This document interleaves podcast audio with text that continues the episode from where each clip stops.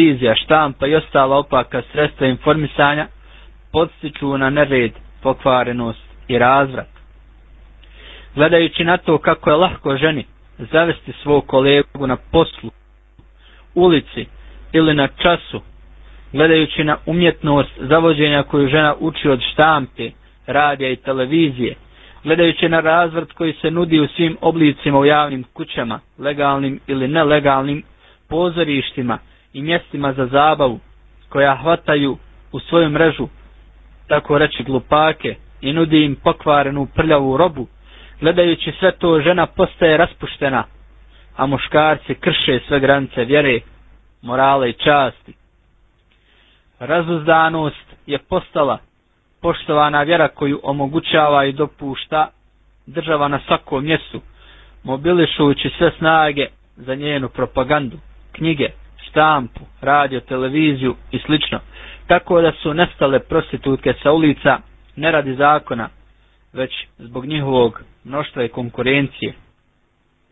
Agigatori razudanosti govore sustezanje prouzrokuje tjelesnu želju koja dovodi do nejerne uznemirenosti.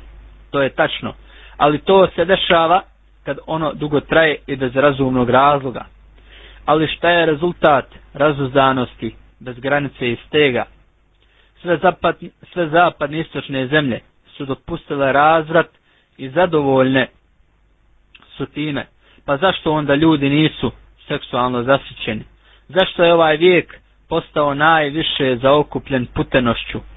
Koliko filmova, knjiga, priča, besramnih slika, koliko programa na radiju i televiziji, pjesama, nagih ili polunagih zabava koje konzumira omladina. I koliko puta, koliko miliona puta se kroz to prikazuje čini razvrat sa takvom lahkoćom.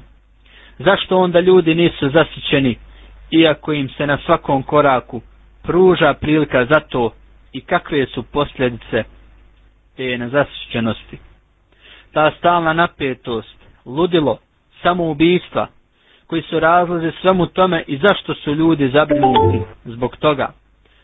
Zar ne zadovoljavaju slobodno svoje strasti kako hoće? Zašto se onda dešava sve ovo? S druge strane, šta je zadesilo porodicu? Zašto se nije vratio mir, sigurnost, bračna harmonija? Pa čak neki nemaju kvalitet zajedničkog života kojeg imaju neke životinje. Da li je sve to zbog razuzdanosti i kako.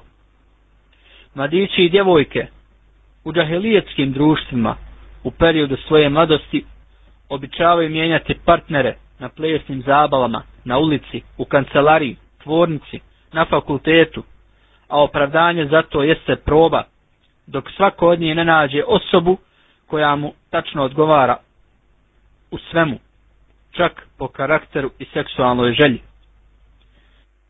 ali cilj se zaboravlja, a sredstvo postaje cilj. Promjena partnera je samo po sebi postalo cilj ili u najmanju ruku običaj. Mladić poslije dugotrajne probe nađe djevojku.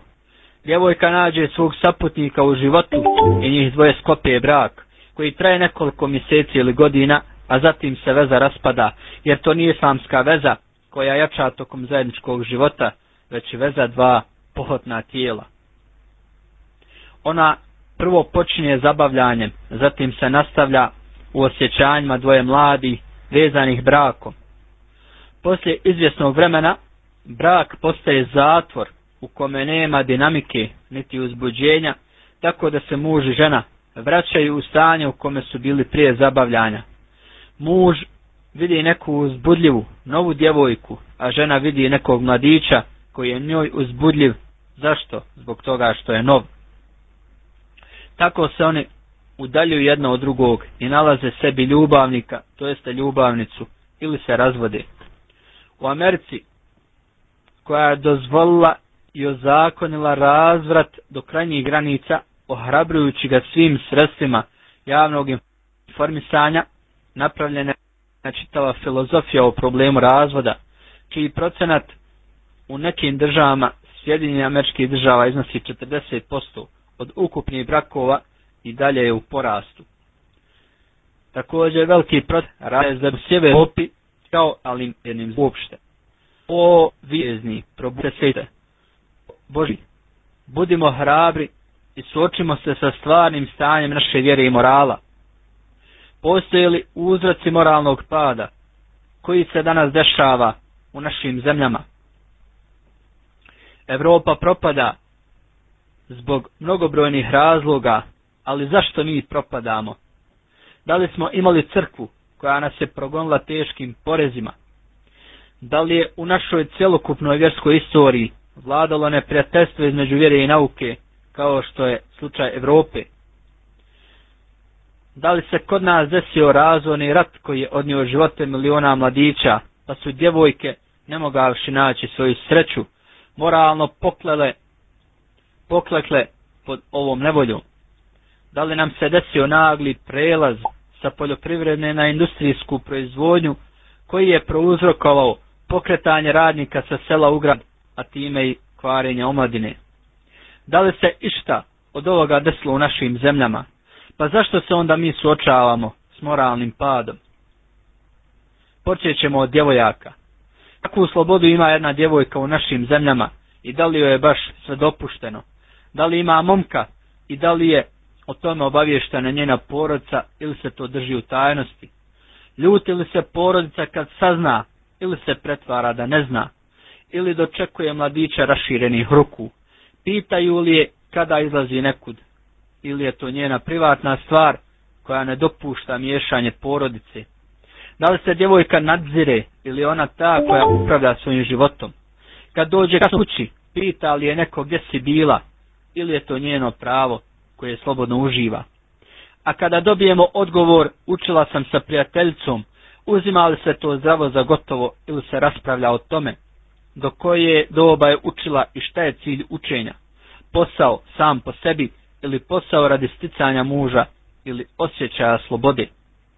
S druge strane, imali mladić djevojku sa kojom se slobodno zabavlja i to javno, pred porodicom ili potajno? Šta će porodica reći kad sazna za to i kakve će korake preduzeti ili neće ništa ni poduzimati? Koga će mladić oženiti? Djevojku koju je upoznao u prolazu, u šetnji, djevojku sa poslali studija ili će se oženiti djevojkom koju uopšte ne poznaje. Kakve će uslove postaviti i otku zna da li mu ona odgovara. Da li se sa njom slobodno zabavlja i onda zaručuje ili je to nevino druženje i do kada traje ta nevinost. Kakav će stav zauzeti kad sazna da je i prije njega imala momka? Hoće li to prihvatiti kao normalnu stvar? Hoće li preći preko toga ili će se uznemiriti? Kako gleda na njenu ljubav prema njemu? Da li smatra da ga voli kad mu se potpuno preda ili kad ga odbija i dokad će trajati njegova žudnja za njom kad se odluči za brak. A nakon što je oženi, šta je sa njihovim starim prijateljima, odnosno prijateljicama sa kojima su se zabavljali? Da li će se odreći njihovog društva ili će se i dalje sastajati sa njima? Da li će on to činiti, a njoj zabranjivati, ili će se sastajati sa njima bez ikakvog osjećaja neugodnosti? Hoće li njegova supruga dočekivati prijatelje u kući, bez obzira da li je prisutan muž ili nije, i da li on ima povjerenja u nju. Ovo su neka od hiljadu pitanja, a da li imamo jasne odgovore na njih i tačno određen cilj, ili je sve dopušteno, tako reći, s blagoslovom zavisno od okolnosti. Budimo otvoreni pa recimo da još ne znamo šta hoćemo i da živimo bez određenog cilja. Djevojka koja ide na more u kupaćem kostimu, ide li samo zbog mora ili želi da se pokaže i uzbudi strasti. Djevojka koja izražava svoju slobodu tako što oblači provokativnu odjeću i izlazi na ulicu ili sjedi u kafićima ili parkovima usred muškog društva. Je li sloboda zaista njen cilj? Šta misli o mladiću kojeg uzbuđuju njena razgoličena prsa, pa pilju u nju kao bijesan pas. Da li ona zna da njena razgoličenost i provokativni pogled pobuđuju u njemu životinske nagone? Je li se obukla tako radi sebe ili radi tog razuzdanog mladića? Skreće li pažnju na sebe zato što je emancipovana ili zato što je rob svojih strasti? Urednik koji u svojim novinama zapošljava djevojke. On govori da radi na emancipaciji žene, pomažući joj da se tako reći probije kroz sva polja rada. I on veli, žena je dokazala da je vještija od muškarca. još kaže, ona je ustrajnja u poslu i slično. Da li ona zaista radi, da li, da li on zaista radi na emancipaciji žene ili je koristi kao mamac za novinarski posao? šalje je da ulovi vijesti, znajući sigurno da će jedan njen provokativni pokret i zavodnički osmijeh otvoriti srce i najtvrđeg sagovornika. Postavlja je u kancelariju kako bi stimulisao svoje mlade radnike da u prijatnom društvu zgodne djevojke dadnu sve od sebe u poslu. Nije li to trgovina bijelim robljem koja se slobodno obavlja? Nisu li oni moderni trgovci tijelima koji šire zlo i pokvarenost. Pisci koji pozivaju na emancipaciju žene i omladina koja je oduševljena ovim pozivom. Jesu li oni iskreni u svom pozivu? Da li zaista boli zaostalost žene i njeno ropstvo, kao što kažu lijući suze, ili se iza njihovog poziva kriju posebni razlozi? Želi li zaista svako od njih da ima emancipovanu ženu? ženu koja raspravlja sa muškarcem, dajući mu do znanja da mu je u svemu ravna i da bez nje ne može donijeti nikakvu odluku. Ženu koja izlazi kad hoće, vraća se kad hoće i miješa se sa muškarcima na svakom mjestu ili uprkos tome što radi proklinje svakog ko poziva na to. Da li je iskren u svom propagiranju ili je licemjerni lažov? Želi li stvarno da se žena emancipuje ili da postane roba koju je lahko dobiti na svakom mjestu. Nije li cilj dobiti ženu? Nije li cilj moralno poniziti ženu, a ne emancipovati je? Djevojka koja ide na fakultet, na kinđurena, kao kakva plastačica govoreći da traži znanje. Da li znanje zahtijeva takvu odjeću i pokrete? Da li znanje zahtijeva izazivački smije? Da li zahtijeva nalakirane nokte i crvene usne? Da li zahtijeva sjedenje sa studentima u kafiću ili restoranu, na pauzama predavanja ili izostanka sa njim. Zahtijevali znanje dodatne časove sa usamljenim asistentom pod izgovorom da se želi naučiti. Zahtijevali skretanje pažnje profesora i asistenta. Da li znanje traži pretvaranje studija u pozorište i disko? Da li toj djevojci, kad izlazi iz kuće, pada na pamet nauka ili ide na fakultet da lovi? Također mladić koji preko svoje sestre traži prijateljice, zna li on da joj daje primjer i da će morati i on njoj tražiti prijatelje, svoje ili neke druge? Kakav je njegov stav? Je li zadovoljan time što će radi svojih pokvarenih želja podučiti sestru, ner, sestru neredu i odvesti je na krivi put? Ili odobrava to, pa možda će ona u toku lova naići na dobar ulov. Ne li to takva prljavština od koje se ježe čak i životinje? Otac koji pita svoju kćer gdje je bila, nakon što je došla kući kasno uveče, a ona mu odgovara da je učila. Da li zna da je mladić s kojim je bila dopratio do vrata i šta će učiniti kad sazna? Hoće li se pokoriti i šutjeti ili će se u sebi smiješti i reći snalažljiva kćer, kad ćemo vidjeti tog momka? Pomisli li tada da li još uvijek u njemu ima i trun islamske ljubomore i časti? Da li zaista postoji bezazleno druženje mladića i djevojaka? Kažu da postoji, na primjer, na svečanostima koje organizuju škole, pod nadzorom direktora ili u kućama, pod nazorom očeva. Ovakve zabave su bezazlene jer su prisutni direktori ili očevi, pa se ne može ništa desiti osim poneki nevini pogled i razgovor, ali šta se dešava kad se zabava završi i izađu momci i djevojke?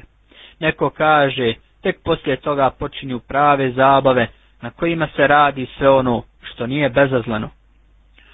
O stadu mladića koji trče za svakom djevojkom kao bijesni psi. Jesu li one ljudska stvorenja?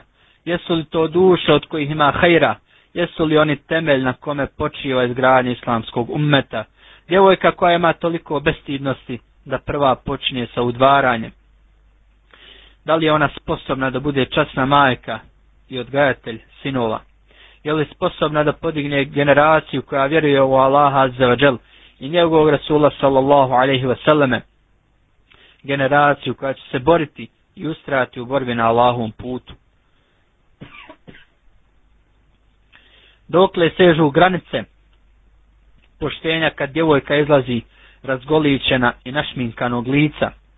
Agitatori raskalašenosti uzvikuju, šta hoćete ovi zaostali, za se poštenje ogleda u odjeći. Pa ona je bezazlena djevojka, koja nema nikakvih namjera, ona je čestita djevojka, ali kad upozna nekog mladića, odlazi sa njim u usamljenu šetnju. Agitatori raskalašenosti tada, uzvikuju. Šta se desilo? Pa to je samo obična bezazlena šetnja. A kad iskoristi djevojku, oni kažu, zar se desilo nešto? Zar je izgubila poštenje? Pa sve je u redu. Oni propagiraju stvari, kao što su bezazleno druženje, zabavljanje do određenih granica i slično.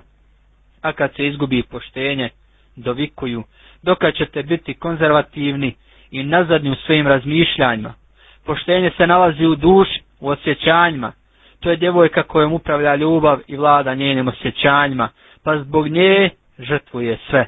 To je djevojka plemeniti osjećanja, sve dok ne proda svoje tijelo nekome, sve dok je vjerna svojoj ljubavi, ona je časna. A kada proda svoje tijelo nekome koje želi, tada je neki agitatori i pisci nazivaju poštenom prostitutkom, braneći poštenje oličeno u bludu. To su trgovci bludnicama koji žele da šire blud. Ono što želimo da rekne mjeste, da mi ne želimo islam i moral. Mi mrzimo čast, krepost i čistotu. Mi volimo pokvarenost i razvrat. Mi hoćemo generacije koje će živjeti kao životinje. Ono što se krije za napretka i emancipacije jeste bezvrijedna krinka. I nije čudo da većina tih ljudi mrzi islam, jer se niko od njih neće smjeti pojaviti kad se primijeni islam. Istinu je o njima rekao uzvišeni Azrađel u suri El Bakare u 16. ajetu. Umjesto pravim, oni su krenuli krivim putem. Njihova trgovina im nije donijela nikakvu dobit i oni ne znaju šta radi. Svaki sistem ima svoje zakone i probleme koji nastaju njegovom primjenom, kao i rješenje za njih. Nelogično je da od jednog određenog sistema tražimo rješenje za probleme koje on nije prouzrokovao, nego je to učinio drugi faktor. I sam jedan savršeni društveni sistem koji se potpuno razlikuje od svakog drugog. Sigurno je da on nije prouzrokovao postojeće probleme u društvu danas, već su one nastali iz sistema koji primjenjuju kafirski zakoni i udaljavanjem islama i svake oblasti života. Međutim, trudno je da se u zemljama u kojima se ne primjenjuje islamski zakon traži mišljenje islama za neke probleme kao što su žena i posao, miješanje žena i muškaraca, seksualni problemi omladine i slično. I da ga traže ljudi koji ne bi željeli da zavlada islamski zakon, čak ne bi mogli to ne A još čudnije od ovoga su odgovori leme i njihova rasprava sa ovima oko islamskog stava i zakona koji se tiču tih problema. Šta ima islam danas sa problemom miješanja muškaraca i žena? Šta ima islam s pitanjem da li treba žena da bude zaposlena ili ne?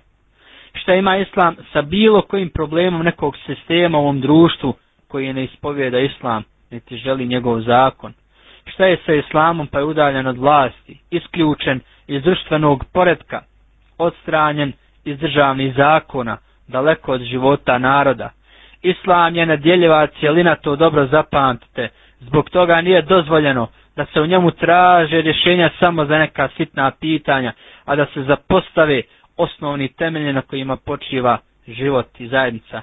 To je prava besmislica koja muslimanu, a pogotovo učenom nije dozvoljeno da je prihvati. Prvo, treba da uspostavimo islamsko društvo kojim će upravljati islamski zakoni i principi. Treba da odgojimo muškarce i žene na islamski način, kako u kući, tako u školi, tako i u društvu. Da obezbijedimo životnu sigurnost koju islam garantuje svima i da ostvarimo islamsku pravednost za sve. A zatim da pitamo ženu, želiš li da radiš u državnim ili javnim institucijama ili ona neće željeti da radi jer neće imati potrebe za tim. Pitajte, želiš li da se miješaš sa muškarcima, da se ukrašavaš i dotjeruješ ili je možda odgojena tako da se čuva životinskih nagona, stideći se svoga stvrtelja, Allaha azzevađel. Pitajte, želiš li mješovite, nemoralne fakultete, što je protivriječno Allahu, i poslaniku sallallahu alaihi wasallame ili je to njena vjera čini mrskim i čuva je od toga. Ponekad se ljudi pitaju šta mislite koliko bi svake godine bilo bičevanih i kamenovanih radi zinaluka kad bi se primjenjivao šarijatski zakon.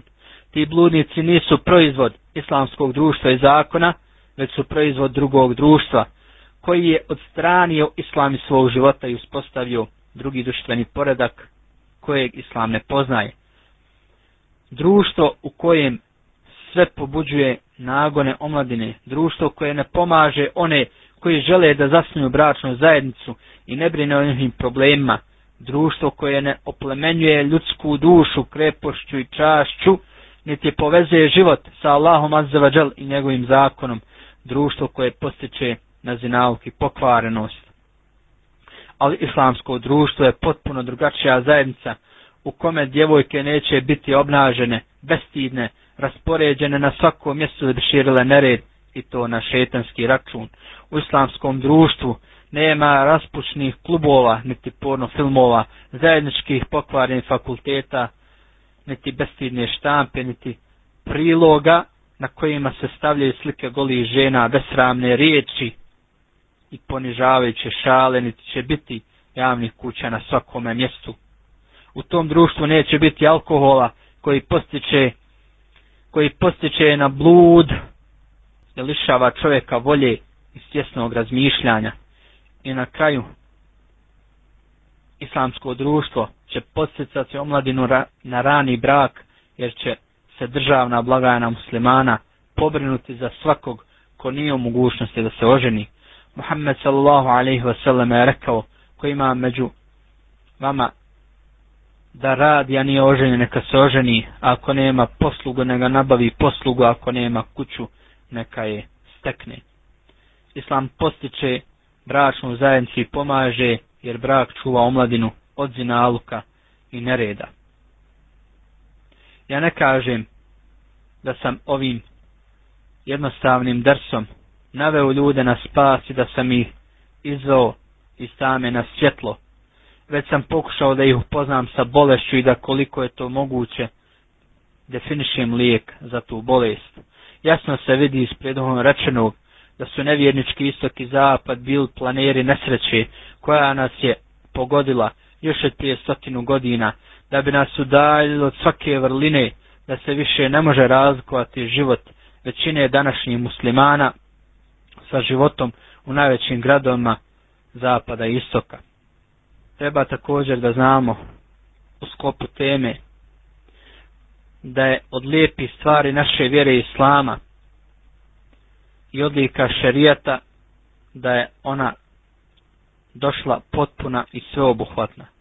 Nije ostavila ni jednu stvar, a da je nije ni na najbolji i najprecizniji način uredila i Allahu pripada potpuna mudrost onome što stvara i odabire. A kako i ne bi znao onaj koji stvara, onaj koji sve potanko zna, koji je o svemu obaviješten.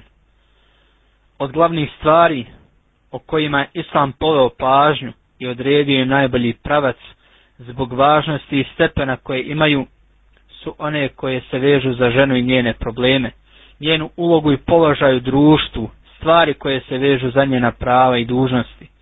I to je zbog toga što je ona uzrok uspona društva i izgradnje civilizacije, zato što je ona nježna, samilosna, čedna, odgajateljca, voljena supruga i prijateljca, plemenita i dobra sestra, ljubazna kćerka i dobročiniteljka i ne samo to, već je ona istinska učiteljca koja priprema generacije i odgaja ljude. Braću i sestre, Znamo da je islam došao dok je, žena, dok je žena bila obespravljena, sputana,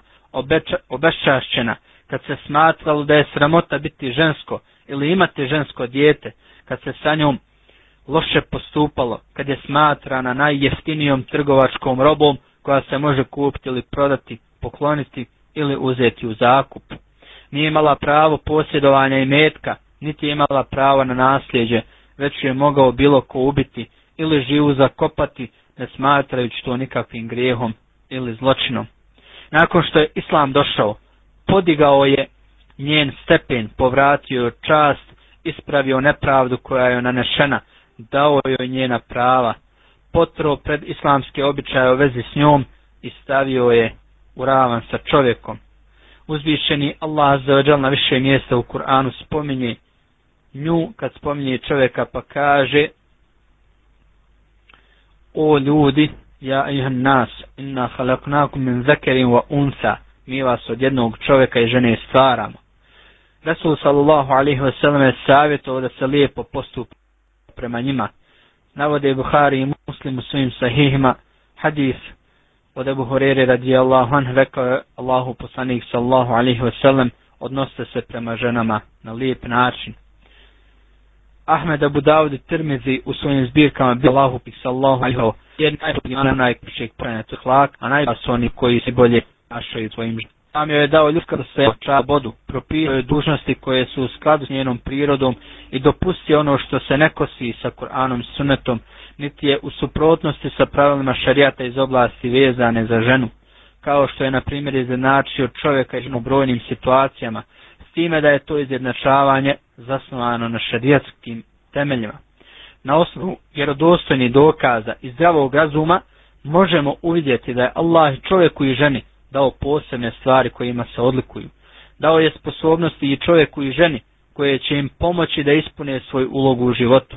Tako je čovjeku dao snagu u njegovom tijelu kako bi radio i zarađivao, a ženi blagost i samilost kako bi odgajala djecu, podizala generacije i gradila porodcu na temeljima islama. Šta nakon te počasti hoće žena? Šta to hoće Havine kćeri nakon ove pažnje i brige prema njima? Zamijenile su ono što je bolje za ono što je gore. Zar daju prednost skidanju hijjaba? Zar daju prednost razgoličavanju, otkrivanju, skrnavljenju svetinja? i miješanju sa muškarcima čednosti, neporočnosti i čestitosti. Zar su kuranske ajete i hadise o pokrivanju čestitosti bacile za leđa? Zar su zavedene raznim spletkama, podignutim glasovima, tvrdnjama koje pozivaju u zabludu? Slatkim, varljivim riječima koje nas zapljuskuju s vremena na vrijeme?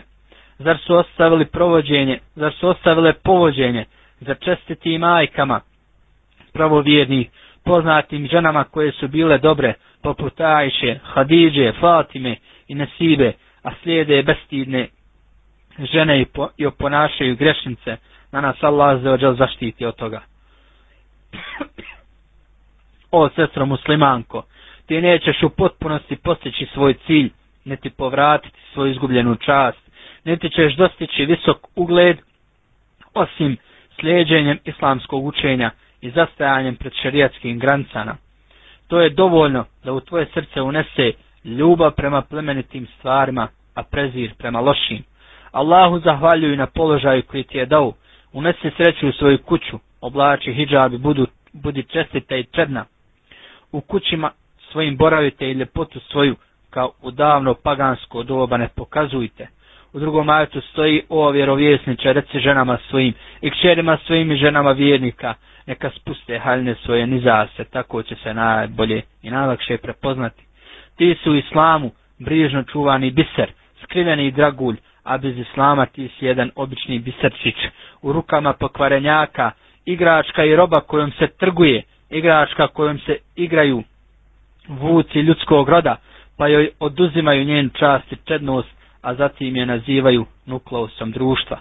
Onda kad žena napusti islamske propise, i počne se nemarno odosti prema hijabu, otkrivajući se pred ljudima kako bi im bila suparnik, namirisana, nestaje njen sjaj, gubi se njen stid i njena ljepota, te se zbog nje povećava nemoral i dolaze do izražaja loše stvari. O muslimanko, ojačana islamskom čašću, o čestita muslimanko, ti si najbolja žena koja se pojavila, pa se pridržavaj Allahove knjige i sunata njegovog poslanika, sallallahu alaihi wasallam i budi oprezna. Čuvaj se ruku koje spletke unose i očiju koje ti zavide na tvom sjaju, a koje hoće da te izvedu iz tvog sretnog života. Čuvaj se prevare i poraza u ratu između oblačenja skidanja hidžaba, čednosti i raskalašenosti. Neprijatelje Islama i one koji ih slijede je ožalostilo i uznemirilo to što muslimanka uživa potpunu zaštitu i čast pa su na nju usmjerili reflektore i bacili mrežu, a zatim su je počeli gađati strijelama i kopljima.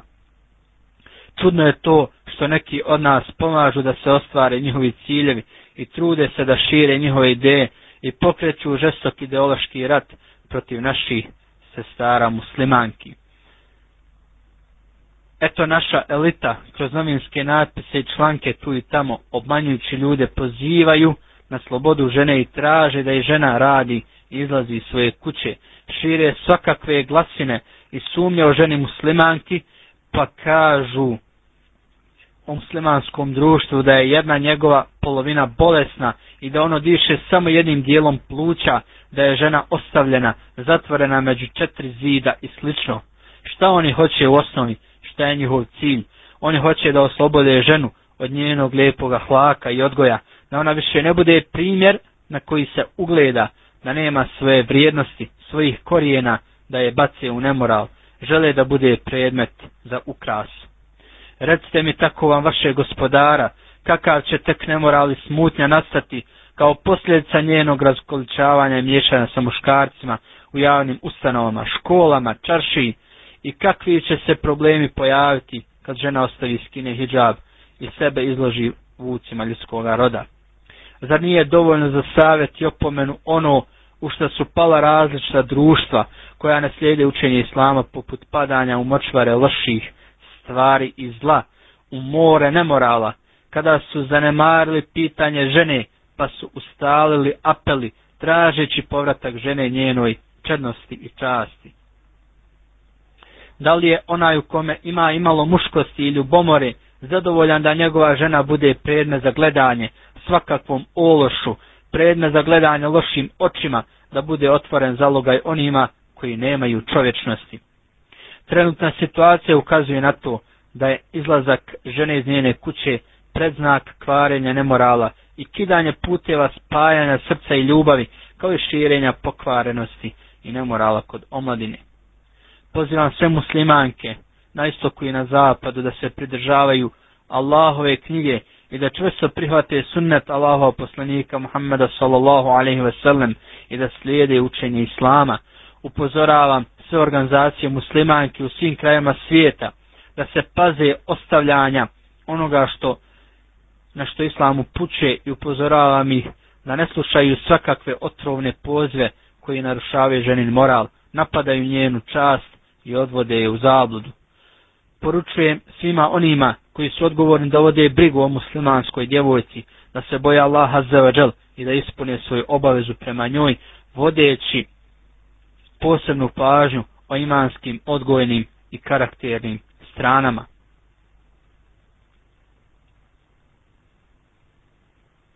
Znate da se danas problem ovog umeta u njegovom ahlaku pojavio onda kad se poremetio porodični sistem i ostavilo se vođenje brige o ženom odgoju.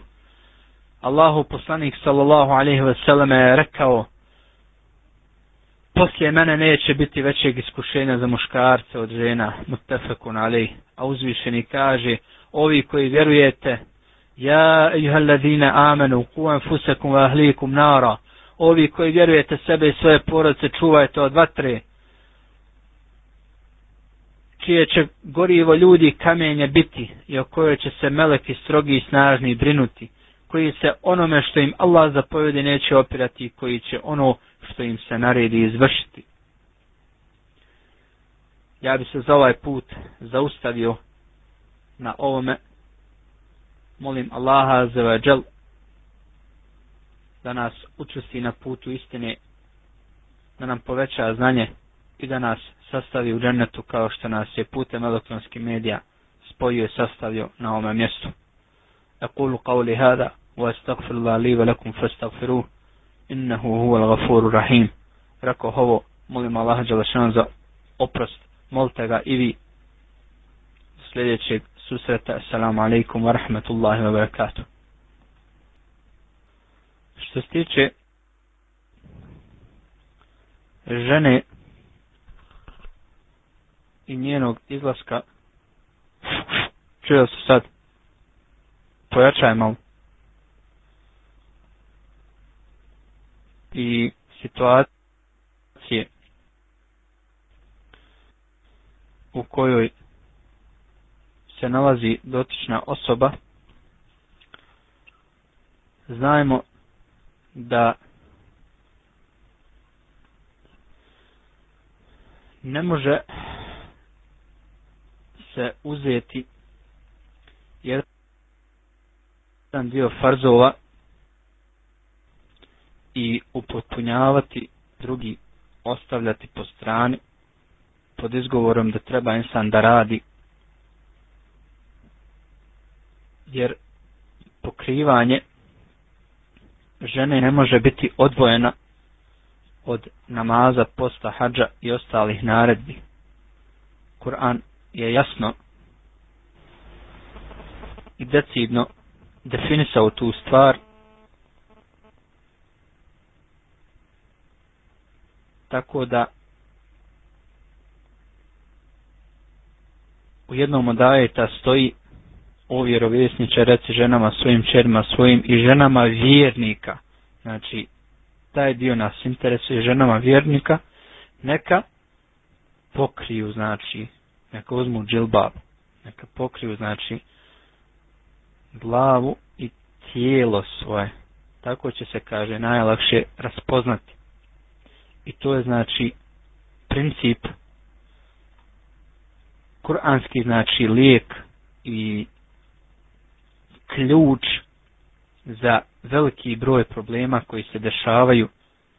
Ja sam upoznao u Europi porodice koje žive od jedne plate, s tim znači da se može dodatno nakon tog posla uraditi još nešto onaj koji znači želi da radi, ako znači nije dovoljna ta njegova jedna plata da namiri svoje znači osnovne troškove, jer Allahu roba je džennet, Allahu roba je skupa, i Allah je kupio, sjetite se dobro ovih riječi, Inna Allahe štara minal mu'minine, enfusahum wa emvalehum, bi enne lahumul dženne.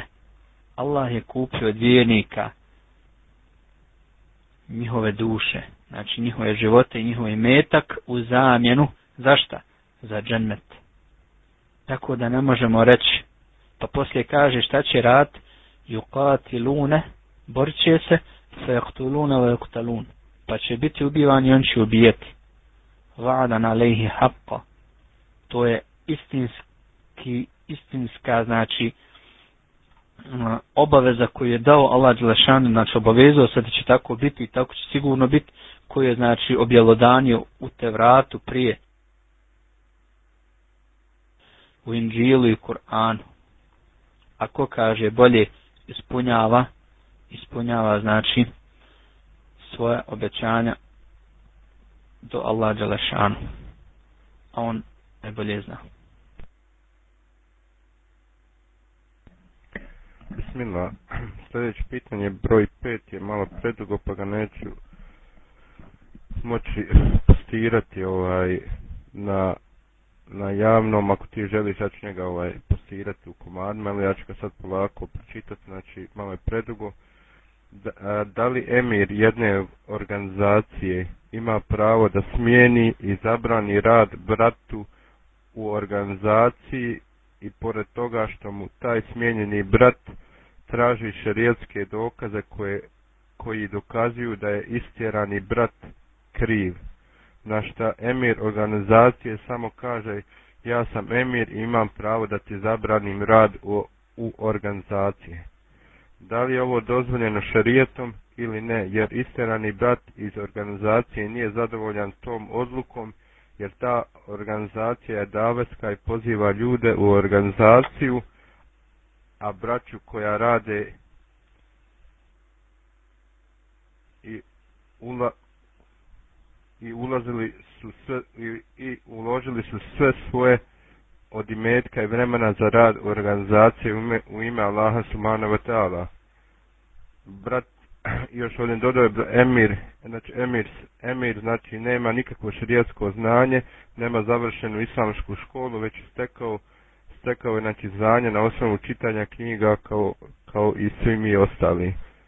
budem brate. Alhamdulillah, salatu salamu ala rasulullah abad.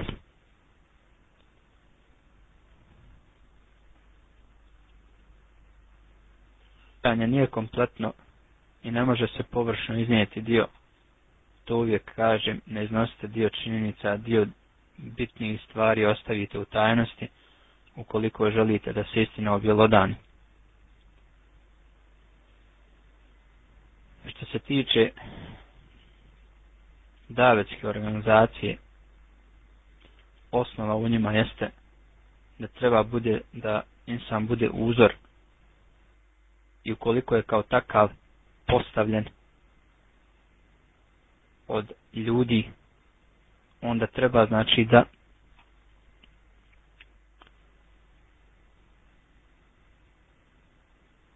treba postup prvenstveno po Kur'anu i sunnetu. Jer Allah kaže وَإِنْ fiše فِي شَيْءٍ ila Allahi A ukoliko se raziđete u nečemu, pa onda se vratite Allahu i poslaniku njegovom i vidite tamo znači kompetentno rješenje. Ukoliko dotični brat smatra da drugi brat nije kompetentan da više radi bio onda je bratski, znači, a i ljudski, a i svjetski, što kažu da mu objasni zbog čega, a ukoliko je, znači, to srijedi neka šerijatska pogreška, neka mu objasni o čemu se radi, a osnova u svemu tome jeste da ima neki šerijatski dokaz.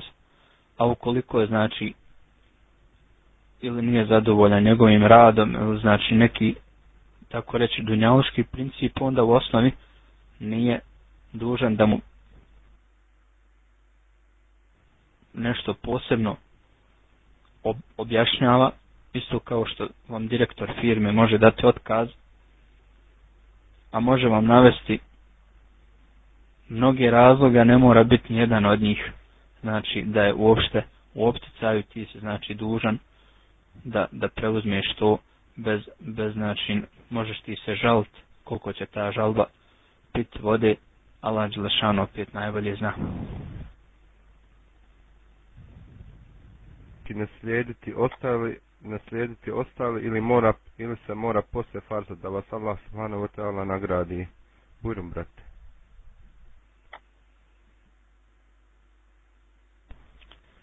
Što se tiče namaza, on je u islamu podijeljen u osnovne dvije kategorije. Namaz koji je znači potvrđen i koji je farz, koji je naređen od strane Allaha azzawajal i nazivaju se znači farzovi i nešto što je sunnet, znači neki što je dobrovoljni namaz što je radio u praksi Resul sallallahu alaihi wasallam.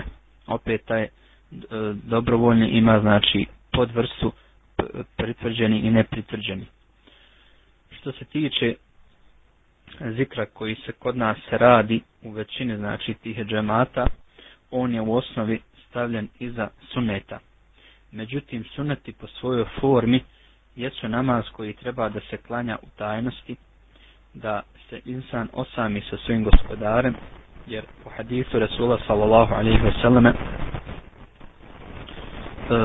la kubura, nemojte činiti znači od svojih e, kuća grobove, trebao bi insan dio svoga namaza da ostavi kod kuće. A osnova znači farzova i nagrada koja je obećana u hadisima 25 i 27 deređa upravo jeste vezana e, e, jeste vezana za džemat, odnosno za džamiju. Nije vezana za broj ljudi, vezana je za džamiju znači za mjesto gdje se klanja. Tako da je pogrešno pogrešno shvatanje neki ljudi čak što je posebno izraženo u mjesecu Ramazanu da kažu mi ćemo klanjati teraviju kod kuće. Nas ima šta znam 50-100 u redu, neka vas ima 50-100, međutim vi nemate nagradu one desetorice ili pet ljudi koji će doći u džamiju i oformiti džamatu. A ukoliko neko želi da vidi čak i po hanefijskom mezhebu, može uzeti knjigu Hanefijski fik koja je prevedena na naš jezik. Mislim da je u prvom tomu gdje naći poglavlje o namazu gdje stoji znači odvojeno poglavlje zik nakon obaveznog namaza. Svakome koji imalo učen ili priučen zna koji je obavezni namaz, da je to farz i u njemu će naći nekoliko dokaza koji potvrđuju, koji potvrđuju znači e, praksu Resula sallallahu alaihi vseleme da je zikrio nakon tog obaveznog, znači nakon farza, a ne nakon suneta. Allah Đelešanu opet najbolje zna.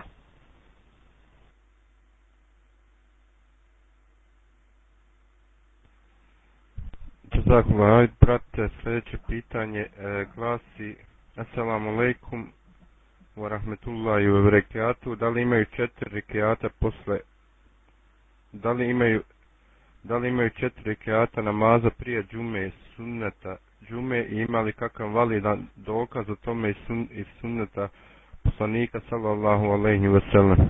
brate.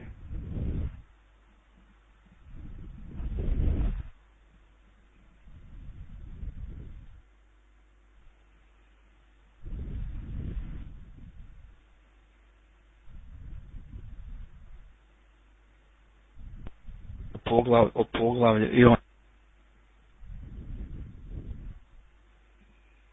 e, razluči da ima i tu znači razilaženje među ulemom jedan dio uleme e, smatra da je džuma poseban namaz poseb, za sebe koja pada na dan petka u vrijeme znači podne namaza drugi dio uleme smatra da je on zamjena zamjena za podne namaz to je e, jedna, jedna znači posebna teza, a druga teza jeste da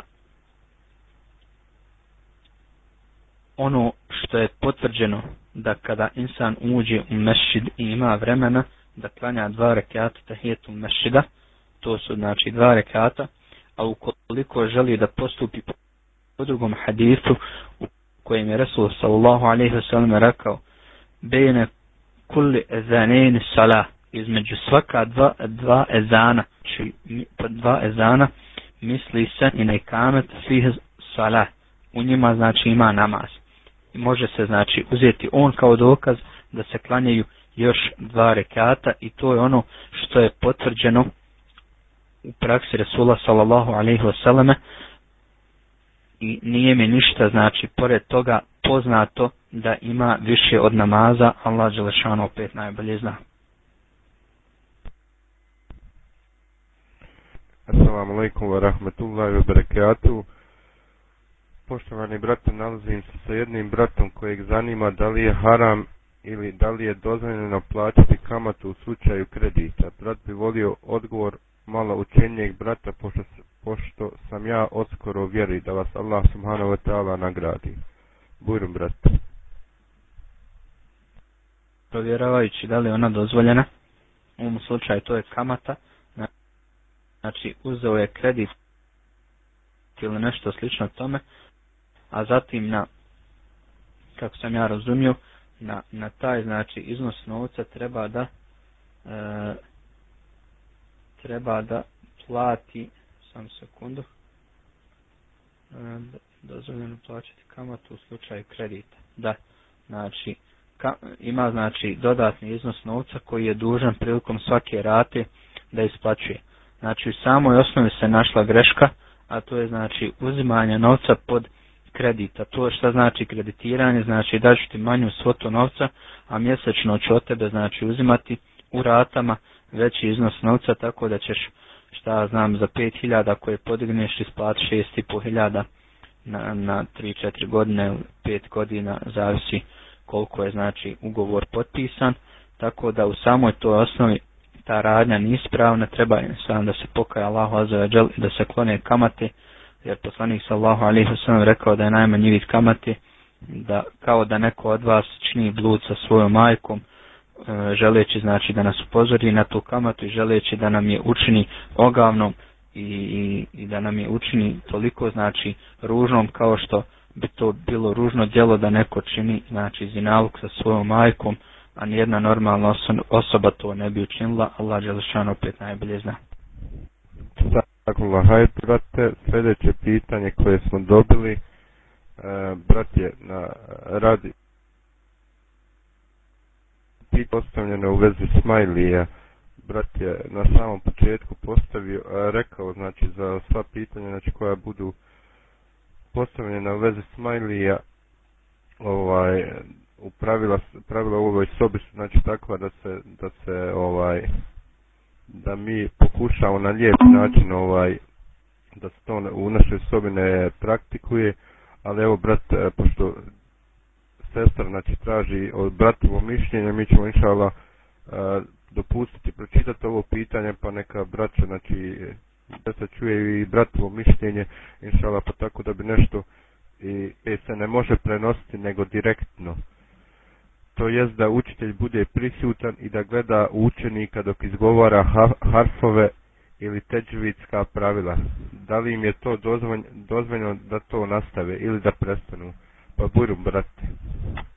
Vam skrenuo jednu pažnju, Jedno znači repliku na ovakva je slična pitanja.